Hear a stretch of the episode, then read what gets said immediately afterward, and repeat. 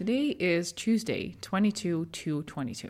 That's a pretty special day because we're not going to see any more dates like this in our lifetime. I'm taking this opportunity to share with you what I am doing today and why I chose today specifically. Now, if you have followed me on Instagram, you know that I have launched a new private podcast. That doesn't mean that this podcast is disappearing, so don't worry. But I want to walk you through why I decided this particular moment to launch the podcast and why it is in your benefit to hop on today. 22 to 22 is pretty special, but it's a numerology thing. Astrologically, there is no backing up behind this, but I just love the date. But the season that I chose was very deliberate. I chose to launch the private podcast in Pisces season. Why? Because right now we have even more access to our unconscious. We have more access to get into that flow state. Because remember, Pisces is a water sign. And we are able to dive deeper into our subconscious layers.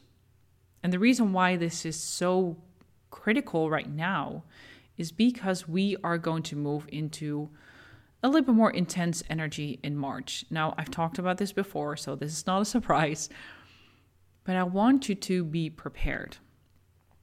Now, if you've listened to the weekly forecast and the cosmic reflections and you enjoyed them, I am inviting you to take the next step because I want you to invest your time and energy into making this a weekly practice. Now, that maybe sounds like it's going to be very time consuming. It is not, because in the end, it will save you time. The way to do this is on the private podcast, the Cosmic Confirmation. You will get a weekly forecast and you will get a weekly reflection as well as a monthly Q&A. This forecast is going to be 5 to 10 minutes long. You listen to it, take notes, and then at the end of the week, again, a 5 to 10 minute podcast to reflect on the week. The reason why this is going to save you time is because you know what is going to happen in the week ahead. The number one message that I get from my followers when I post something about what is happening with the astrology and also the comments underneath the daily astro check ins that I post on Instagram as well as in my private Facebook group.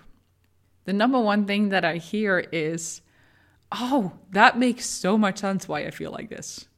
Or, of course, I was already wondering what was going on. Imagine if you're feeling it in the moment on the day when it happens.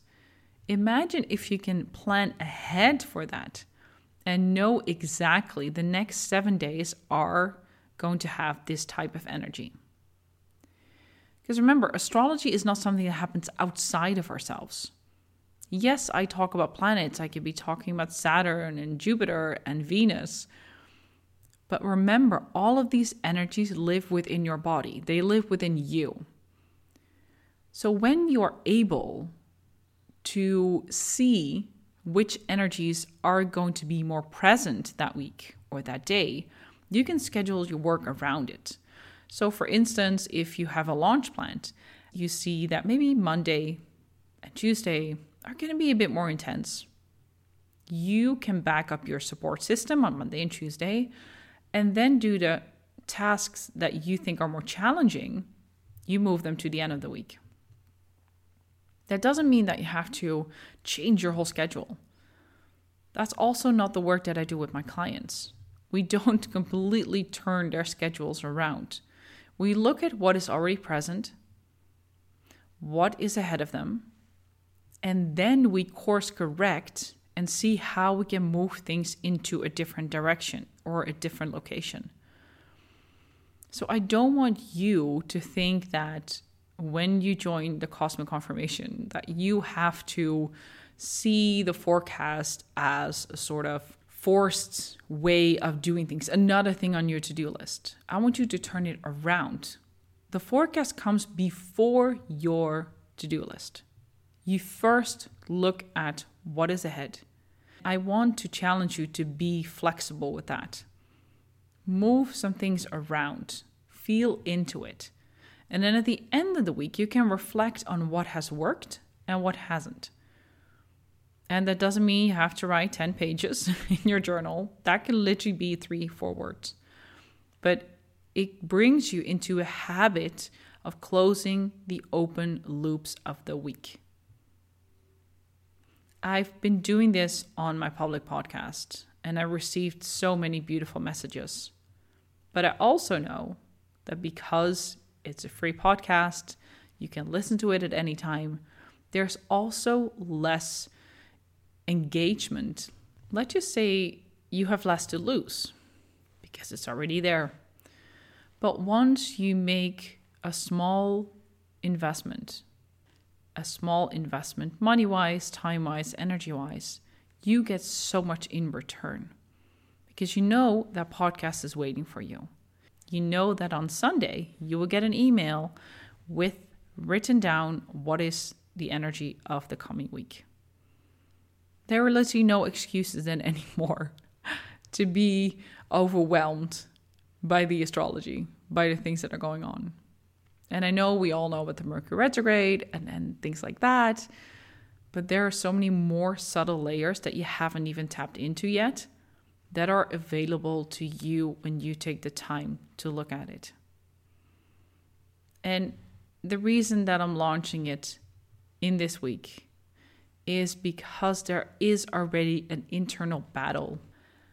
And if we can allow that energy to be, because most of it, it is not working with the energy, it is letting the energy be and then let it guide you.